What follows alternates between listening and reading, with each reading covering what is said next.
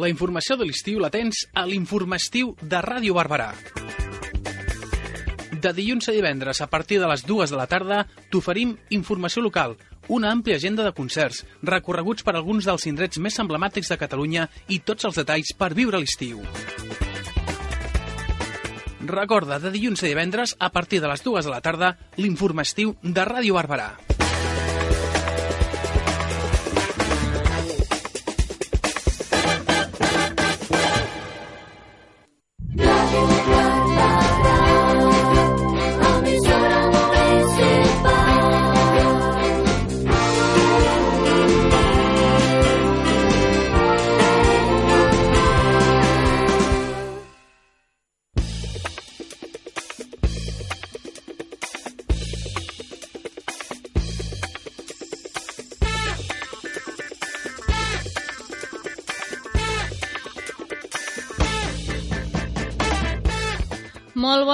Als serveis informatius de Ràdio Barberà. Tornem un dia més per acostar-vos tota l'actualitat local, comarcal i molts més temes d'interès d'aquest divendres 25 de juliol.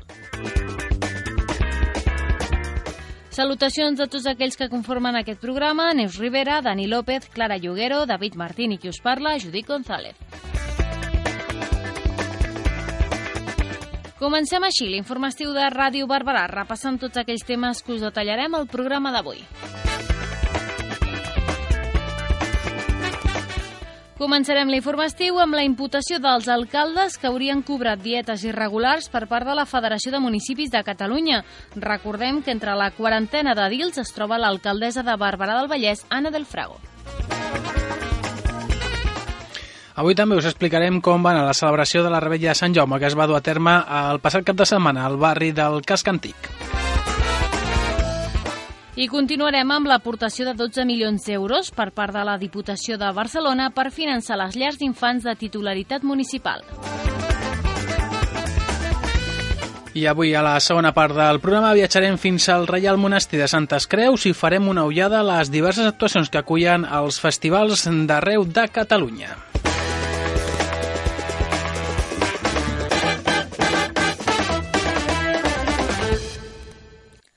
L'alcaldessa de Barberà del Vallès, Anna del Frago, es troba entre els 40 alcaldes i exalcaldes imputats pel presumpte cobrament de dietes irregulars durant els anys 2011 i 2012 a la Federació de Municipis de Catalunya. La jutgessa de Sabadell que investiga el cas Mercuri va imputar ahir aquesta quarantena de dils que havien tingut càrrecs a la Federació. La jutgessa va obviar altres quatre càrrecs més que investigaven els Mossos perquè són aforats o diputats al Congrés o al Parlament i se sap que hauria de derivar el cas al Tribunal Suprem. També va citar com a imputat el que fins que va esclatar l'escàndol era el secretari general de l'entitat, Adolfo Moreno, després cesat. El jutjat d'instrucció número 1 de Sabadell va començar ahir a notificar als 41 càrrecs la imputació perquè vagin a declarar els dies 3, 4, 5 i 9 de setembre. A tots ells els imputa un delicte contra l'administració pública. Ho va fer enviant-los una cèdula de citació i no l'habitual resolució exposant els motius de la imputació. Segons la investigació, l'expresident de la Federació i exalcalde de Sabadell, Manuel Bustos, hauria promogut un sistema de sobresous camuflats segons els llocs que, que ocupaven els alcaldes dins l'organigrama de l'entitat i no segons les dietes generades a partir de desplaçaments i els àpats. Per aquest motiu, qui va cobrar una quantitat més elevada va ser Bustos, 23.964 euros nets en total entre els anys 2011 i 2012, segons l'informe policial, mentre que hi ha altres càrrecs amb una quantitat total que no arriba als 900 euros. Aquests cobraments irregulars s'haurien efectuat entre els anys 2011 i 2012. Per tant, hi ha càrrecs pertanyents a l'actual mandat municipal i a l'anterior. De seguida que va esclatar l'escàndol, a principis d'aquest mes, denunciat per la plataforma Sabadell Lliure de Corrupció, alguns dels càrrecs ara imputats van assegurar sentir-se enganyats per la trama atribuïda a Bustos. A més, pensaven que aquesta remuneració mensual responia a la tasca que feien dins la comissió executiva de la federació. Arran d'això, els partits van ordenar que els seus càrrecs afectats tornessin de forma efectiva o amb un aval els diners percebuts. Aquest va ser el cas de l'alcaldessa de Barberana del Frago, que en un comunicat publicat al web municipal informava del retorn d'aquests diners, en concret en el seu cas eren 3.333 euros.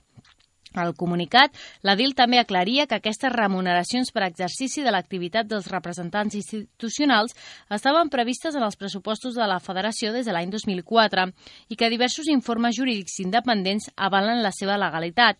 Així mateix, Del Frago afegeix que els comptes de la Federació es dipositen cada any al Registre Mercantil i al Departament de Governació i Relacions Institucionals de la Generalitat i mai ha tingut coneixement de cap anomalia. Finalment, al comunicat, l'alcaldessa es disculpa per al malestar i la confusió que pot generar aquest fet.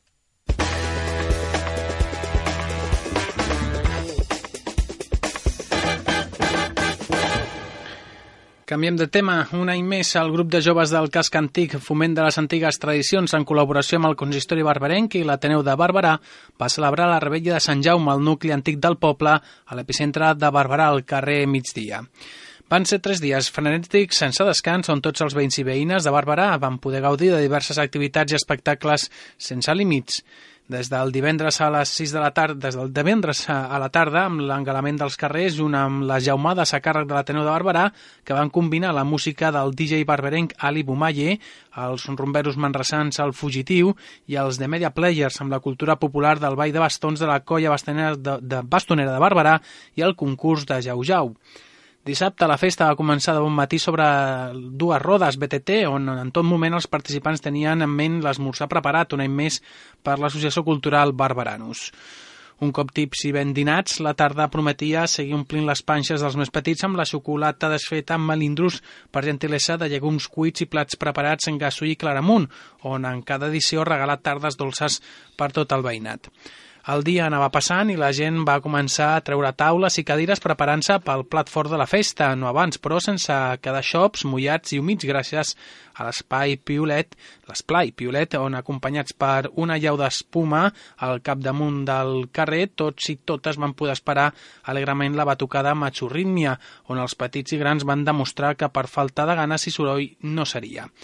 Un cop entaulats, amb copa de cava i un tall de coca en cada mà, va començar la gran rifa de la nit on, com és habitual, van col·laborar els comerços de la ciutat. El grup musical Boomerang va obsequiar els veïns amb un gran repertori de cançons on entremig van oferir el ball més esperat de la nit, el ball del Fanalet. La nit, que va durar fins a altes hores, va comptar amb la participació del DJ Ivan Jiménez. Les activitats es van reprendre diumenge tarda. A les 6 es va gaudir d'una xocolatada, de sardanes i del ball de bastons de la bastonera de Barberà. El rom cremat ja olorava quan el grup musical ja tocava. Els polls i llops van hipnotitzar amb el seu repertori per ballar, un descans de veneres pels més grans que va servir per acomiadar la rebella. Continuem amb més activitat a la nostra ciutat perquè avui divendres, 25 de juliol a dos quarts de vuit del vespre, l'Auditori Maria Feliu acollirà un concert de la coral Louis Vuitton. La formació musical barbarenca oferirà un ampli repertori de cançons que s'han interpretat durant tota la temporada. El concert, que estarà format per temes dels anys 30, 40 i 50, tindrà dues parts una dedicada a la gent gran, on s'entonaran algunes de les cançons interpretades a diverses residències d'avis i àvies, i una segona part més amb temes més recents. L'entitat, a més de cloure la temporada de concerts, vol celebrar així els seus 20 anys d'història.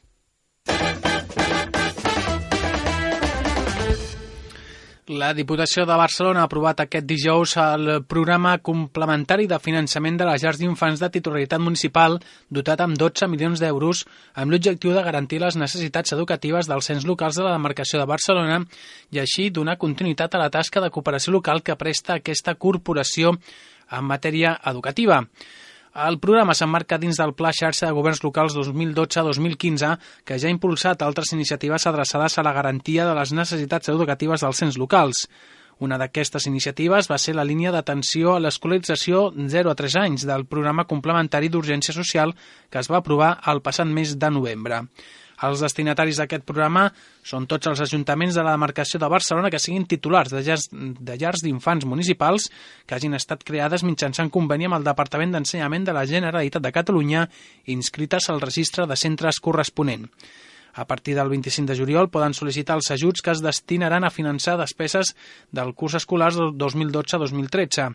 Per mitjà d'aquest programa es pretén donar resposta de forma eficaç i ràpida a les necessitats derivades del context de crisi econòmica i de la situació d'insuficiència financera en què es veuen immersos els governs locals a l'àmbit territorial de la Diputació de Barcelona, especialment als municipis.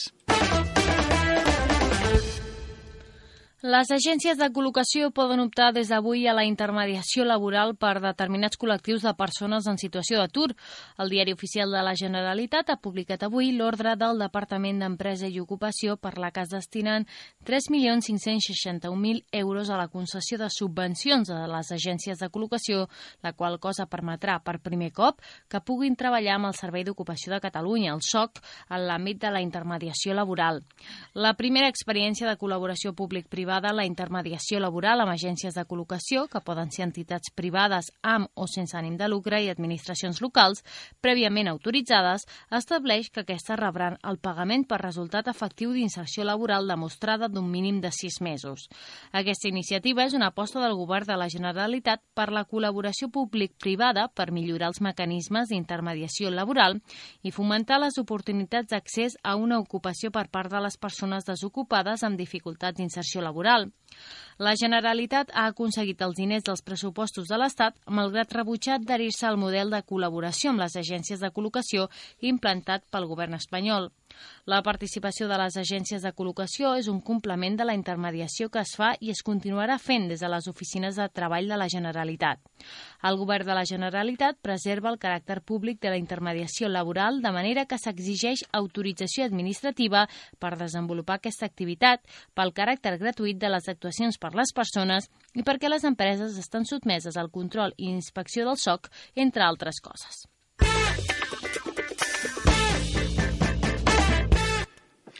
La Generalitat de Catalunya ha donat l'ordre perquè es traspassin 1,9 milions d'euros als Consells Comarcals i Municipis de Catalunya procedents de la recaptació del primer trimestre del 2014 de l'impost sobre les estades en establiments turístics. La recaptació total ha estat de 5,6 milions d'euros, el que suposa un 7% més respecte a la recaptació del primer trimestre del 2013. L'import traspassat als Consells Comarcals i municipis, que correspon al 30% de la recaptació total, es destinarà a promoció turística, segons els eixos i les prioritats establertes a les directrius d'actuació proposades per la Comissió del Fons per al Foment del Turisme. Pel que fa a la Generalitat, que gestionarà el 70% restant, impulsarà la promoció turística, el desenvolupament d'infraestructures turístiques, la creació i la millora dels productes turístics, el turisme sostenible i responsable i la protecció i millora dels recursos turístics. La Comissió del Fons per al Foment del Turisme és l'òrgan encarregat de proposar les directrius d'actuació dels recursos procedents de l'impost sobre les estades en establiments turístics i que reverteixen en la promoció, la modernització i la millora del sector turístic català. Aquest òrgan, presidit pel conseller d'Empresa i Ocupació Felip Puig, està format per representants de diferents departaments de la Generalitat, representants del sector turístic privat de Catalunya i de les administracions locals catalanes. Un altre òrgan del fons és el Comitè Bilateral, que es reuneix cada tres mesos i que decideix l'assignació dels recursos del fons perquè siguin transferits als ajuntaments i als organismes de la Generalitat que han d'utilitzar-los.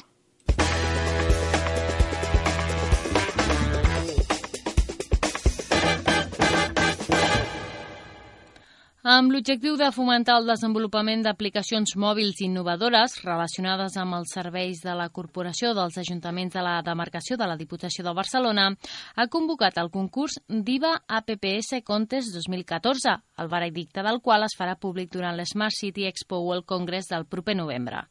El concurs, dotat amb un premi de 3.000 euros, ha estat organitzat per l'àrea d'Hisenda, Recursos Interns i Noves Tecnologies de la Diputació i les sol·licituds es podran presentar fins al 24 d'octubre a qualsevol de les oficines de registre de la corporació.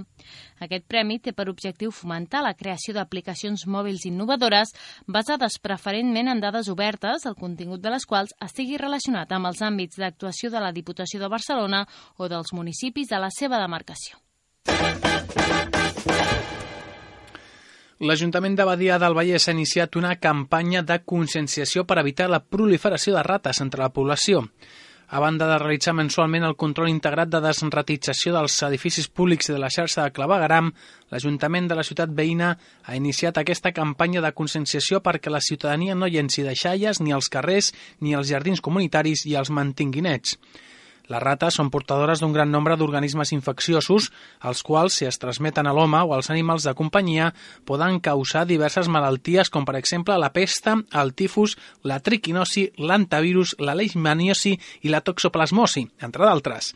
A més, cal tenir en compte la seva capacitat per contaminar els aliments, el medi ambient i els danys materials que poden ocasionar. Per prevenir l'aparició de plagues de rates cal no llançar residus orgànics als desguassos ni als vàters s'ha d'intentar gestionar correctament els residus generats i dipositar-los en bosses tancades dins dels contenidors de recollida, vigilant que quedin també tancats. Cal modificar l'entorn i limitar l'accés als recursos mitjançant l'adopció de conductes i hàbits que previnguin l'aparició de la plaga. També és necessari millorar i mantenir els edificis per evitar que hi puguin tenir accés. En aquest sentit, es poden col·locar reixetes o rivets a les entrades i tapar forats.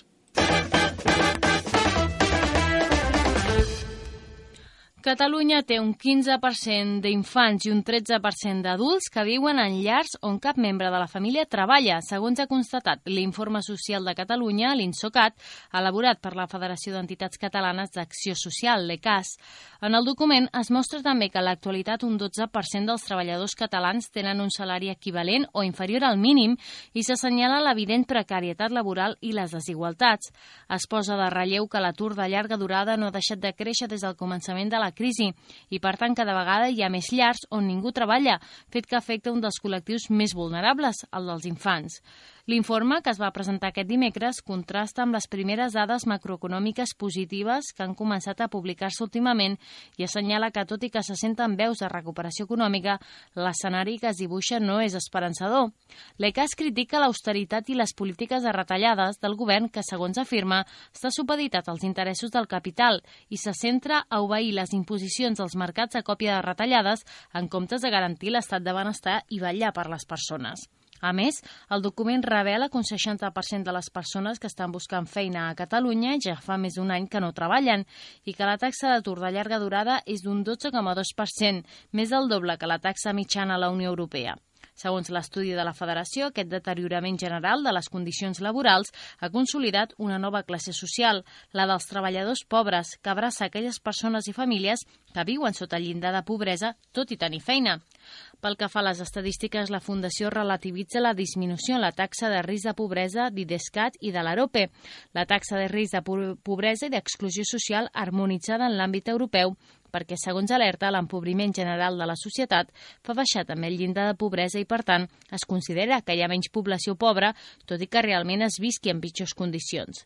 En la mateixa línia, l'informe mostra una evident pol polarització de la societat catalana. La federació adverteix que, més enllà de l'estat socioeconòmic actual i la crisi, L'augment de les desigualtats és la mostra més clara que el major problema és la manera com els governs, autonòmic, estatal i europeu, l'estan gestionant. Tant l'índex Gini, que mostra la desigualtat en els ingressos, com a l'S8020, que mesura la desigualtat en la distribució de la renda, han augmentat progressivament des de l'any 2008. Tot i això, la diferència més gran ha estat en l'índex que compara el 10% de la població més pobra amb el 10% de la més rica, és a dir, l'índex S9010, en què només d'un any ha passat de l'11,1 al 15,3%. Doncs amb aquestes dades econòmiques donem per finalitzada aquesta primera part de l'informatiu d'avui i tornem després amb més temes.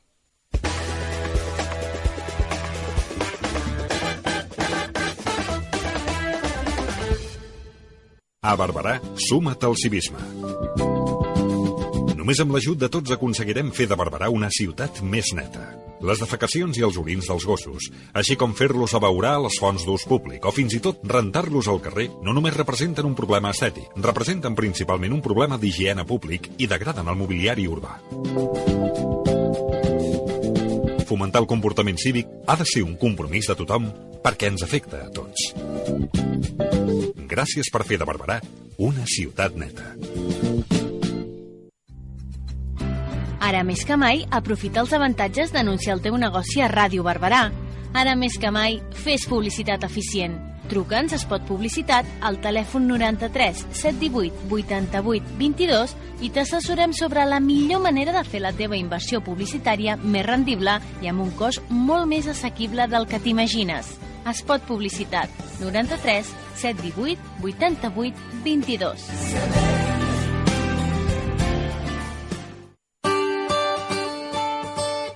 Em matriculo al cicle que m'agrada i quan acabi em posaré a treballar o potser continuo estudiant. Amb la formació professional ja pots començar a perfilar el teu futur.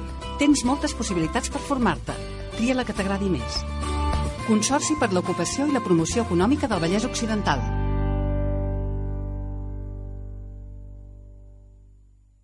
El cor de Barberà, al Mercat de la Felicitat. Vine al Mercat 11 de setembre de Barberà del Vallès, un mercat feliç i alegre on us oferim, sempre amb un somriure, una àmplia varietat de productes de qualitat, productes frescos i saludables per satisfer les vostres necessitats. Pàrquing gratuït. Estem oberts de dilluns a dissabte de 9 a 21 hores. Oferim la possibilitat de portar-vos la compra al vostre domicili. Podeu ampliar la informació dels serveis, les parades, consultar receptes, ofertes i promocions a la nostra web www.mercat11setembre.com i ara també ens podeu seguir al Facebook, on us anirem informant de les novetats, promocions, concursos i sortejos a www.facebook.com barra mercat 11 setembre. Ens trobaràs a la carretera de Barcelona 233 al telèfon 93 718 91 63. Un mercat feliç que t'enamora. Este verano, Funky Plastic. De lunes a viernes, de 4 a 5 de la tarde en Radio Barbará, Funky Plastic.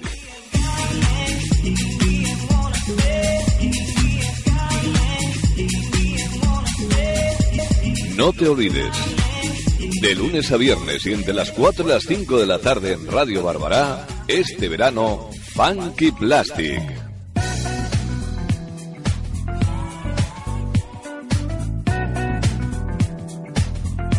Solo para ti.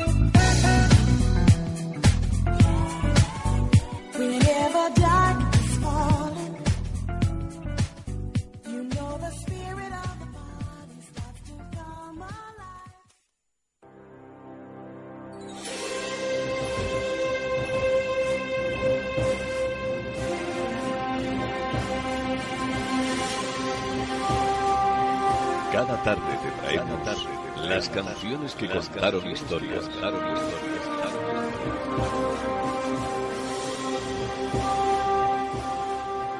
De lunes a viernes, de lunes a de 5 a 6 de la tarde, tienes una cita con Laura Martínez.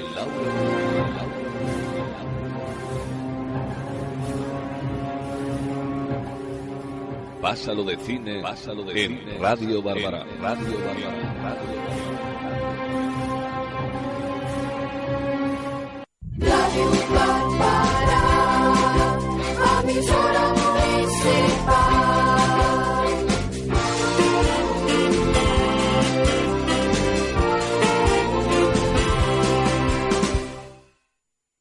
Ràdio Barberà. Serveis informatius.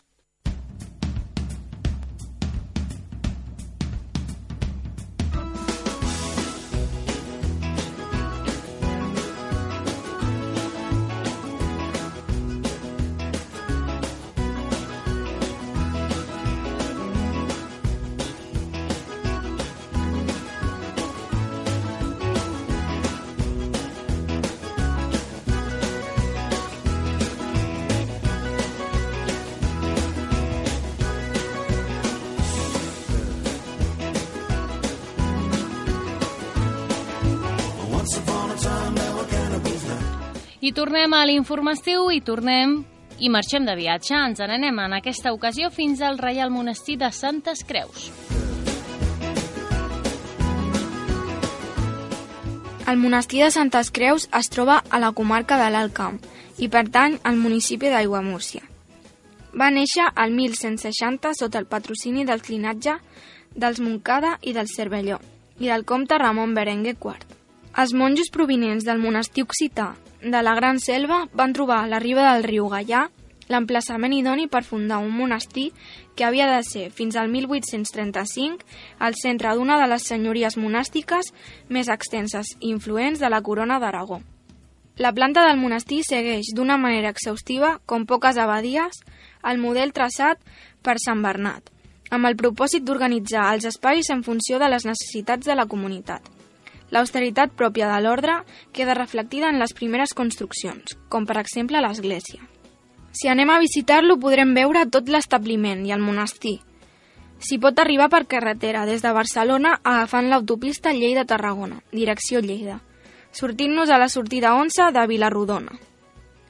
L'horari de les visites és de dimarts a diumenge, inclosos els festius de l'1 de juny fins al 30 de setembre, de 10 del matí a 7 de la tarda. El preu de l'entrada general és de 4,50 euros. El preu de l'entrada reduïda és per a persones majors de 65 anys, pensionistes acreditats, persones amb certificat de discapacitat, carnet jove o carnet d'estudiant. És de 3 euros amb 50. I el preu de la reduïda especial és per a grups d'estudiants amb professors que hagin fet reserva prèvia entre l'1 de maig i el 31 d'agost i persones amb carnet de família nombrosa o monoparental. És de 2 euros. L'entrada és gratuïta l'últim dimarts de cada mes i les visites guiades valen el preu de l'entrada més un suplement de 3 euros.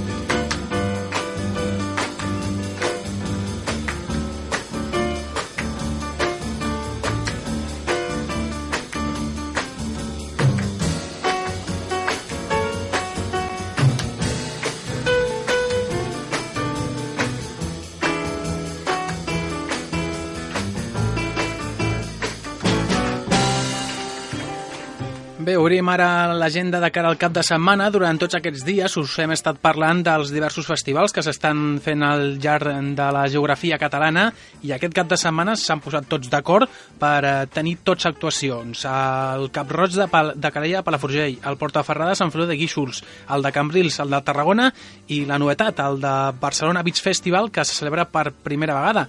Us començo donant els detalls d'aquest eh, Beach Festival de Barcelona que demà, des de les 6 de la tarda, a la platja Port Fòrum, a la zona del Fòrum de Barcelona, tindrà tot un seguit d'actuacions dels, dels millors DJs i de la música disco de l'actualitat, com els eh, reconeguts David Guetta, Avicii, Steve Angelo o Juan Magán. I també hi haurà la novetat, no pels amants d'aquest tipus de música, sinó per la resta de mortals, de que l'expilot de motos, Fonsi Nieto, eh, fill de l'Àngel Nieto, eh, des de que es va retirar de les, del món del motociclisme, es va dedicar a ser DJ i participa en aquest tipus de festivals. De fet, és qui obre la sessió també és quan menys pot haver-hi, a les 6 de la tarda eh, serà qui obrirà aquest eh, Barcelona Beach Festival que s'allargarà fins les 5 de la matinada quan eh, s'acabin les actuacions, eh, sobretot a partir de mitjanit eh, en l'horari estel·lar d'aquest tipus de festivals amb les actuacions consecutives eh,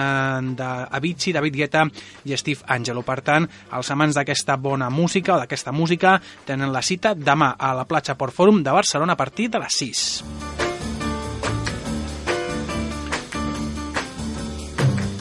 Actuacions més normals, més tradicionals, d'altre tipus de música, per exemple, els del Festival de Cap Roig a Calella de Palafrugell, que aquest cap de setmana té eh, dues eh, convocatòries ben diferents. Primer, eh, en el, aquest divendres, avui mateix, els Amics de les Arts, un d'aquests grups de la música pop catalana que estan de força i molta actualitat i que actuen aquesta nit al Festival Cap Roig. I demà, un concert ben diferent, ja que hi haurà l'actuació en concert del Jerónimo Stilton.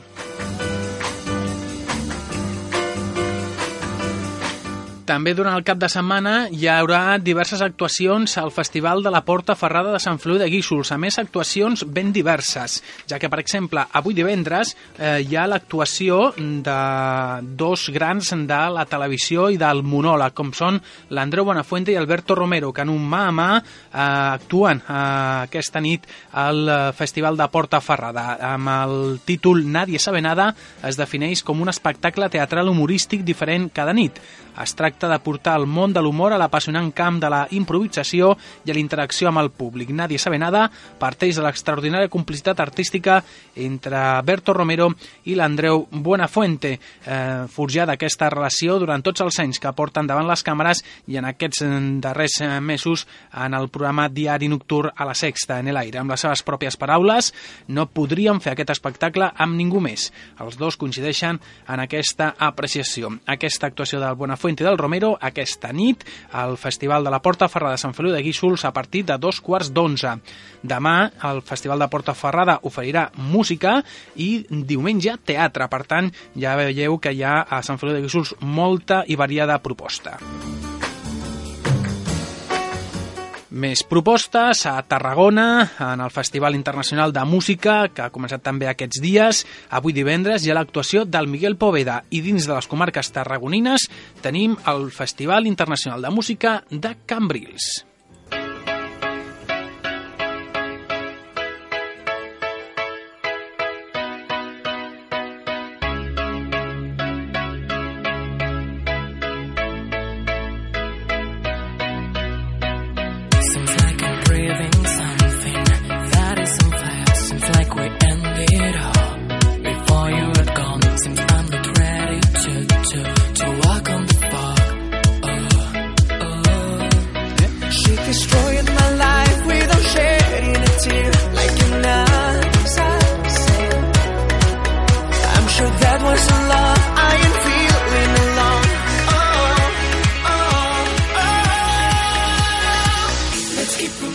L'heterogeni calendari d'actuacions del Festival Internacional de Música de Cambrils, el grup de revelació del 2013, els Aurin, actuaran aquest diumenge a partir de les 10 de la nit. Les seves més de 32 setmanes a la llista de vendes oficial amb el seu àlbum de debut, a més de dos premis Neox, un premi dels 40 principals més de, mm, i més de 5 milions de reproduccions a YouTube i entrades exaurides en els seus concerts avalen la trajectòria curta, curtíssima trajectòria del David, el Blas, el Carlos, l'Àlvaro i el Dani, els Aurin.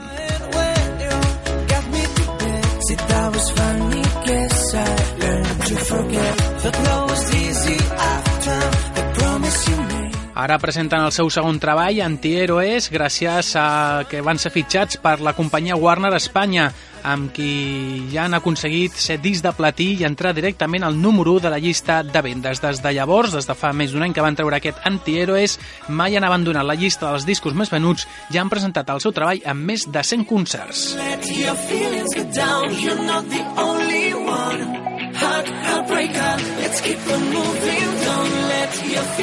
El Festival de Música de Cambrils s'obre aquesta setmana, no amb els Aurins, s'estrenen demà dissabte a Cambrils amb els Love of, of Lesbian, els escoltàvem aquesta setmana, diumenge els Aurin i durant el mes d'agost compta amb el cartell tan heterogeni que han aconseguit a Cambrils. José Mercé, Montserrat Cavaller, David Bisbal, Marta Sánchez amb Gloria Gaynor per tancar el 10 d'agost amb Rafael. She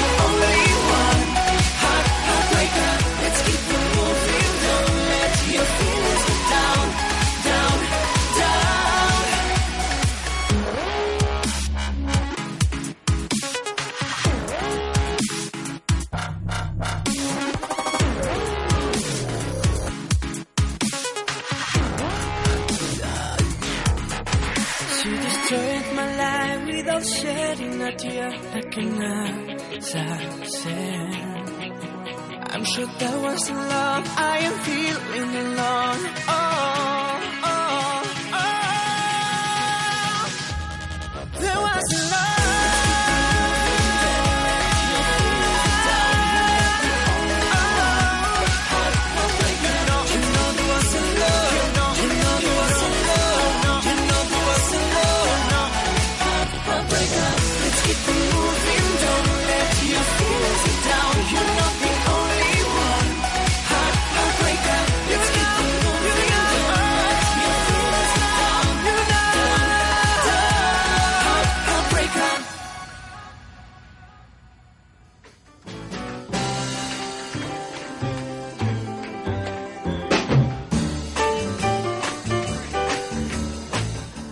continuem amb més cosetes, més cosetes perquè no ens avorrim ni un segon.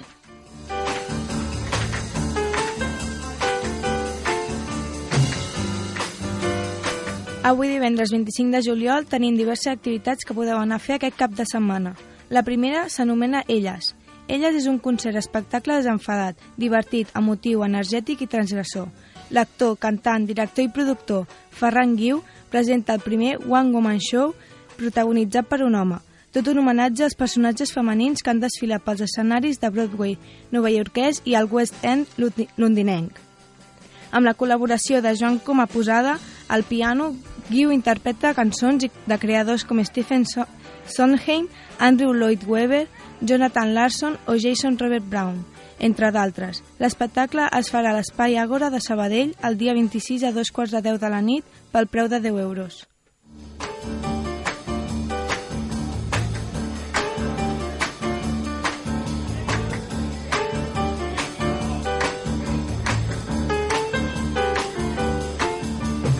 Per aquells que volen acostar-se a Terrassa i volen passar un dia tranquil, l'associació Terrassa Centre organitza a la plaça Vella de 10 del matí a les 9 del vespre l'anomenat Fora Stocks.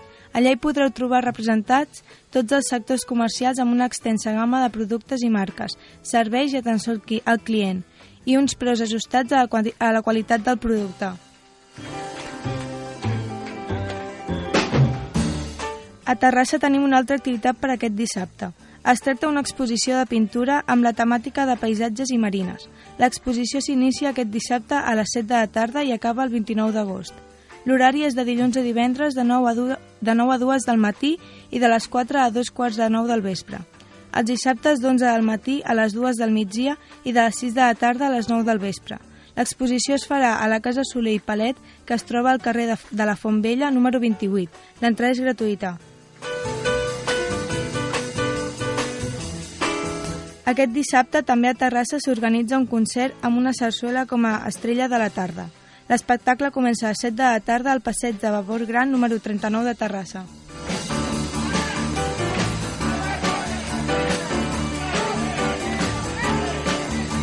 L'última activitat d'avui és un espectacle de Víctor Diego Trio. Aquest saxofonista basc, establert a Barcelona, arriba amb un nou treball discogràfic sota el braç titulat Tribut, un gran homenatge a la música que l'ha enamorat al llarg de la seva vida. Amb la col·laboració del contrabaixista Jordi Gaspar i del bateria Gonzalo Del Val, interpreta temes de grans compositors com Thelonious Monk, Cole Porter i John Coltrane, a banda de creacions pròpies. Defensant una visió molt personal del jazz condicionada per l'absència d'instruments harmònics, el trio transmet una música creativa, directa i interactiva. L'espectacle es farà a la capella que es troba al Parc de Camp Gambús de Sabadell, el dia 27 a dos quarts de vuit del vespre.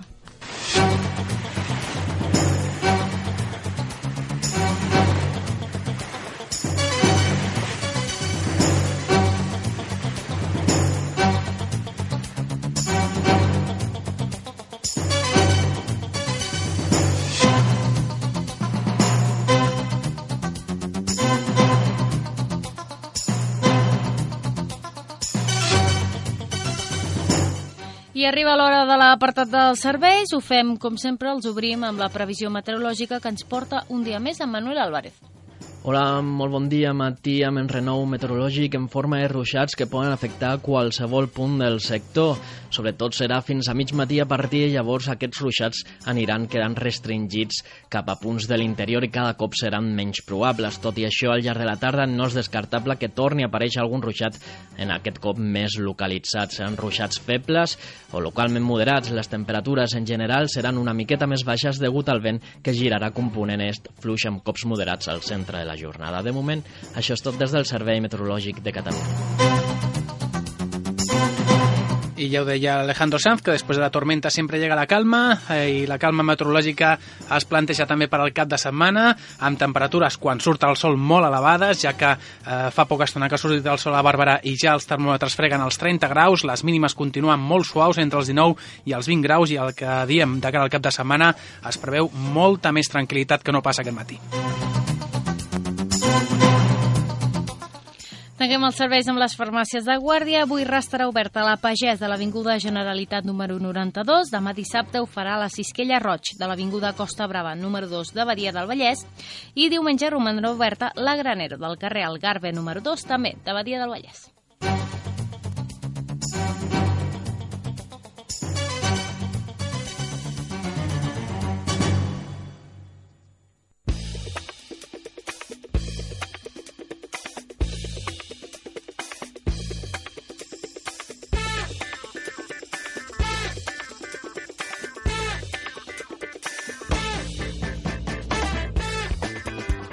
Arribem, doncs, ja al final de l'informatiu d'avui. Nosaltres ens acomiadem ja fins al proper dilluns, aquí a la mateixa hora, a Ràdio Barberà. Fins llavors, molt bona tarda i molt bon cap de setmana. Ràdio Barberà. Serveis informatius.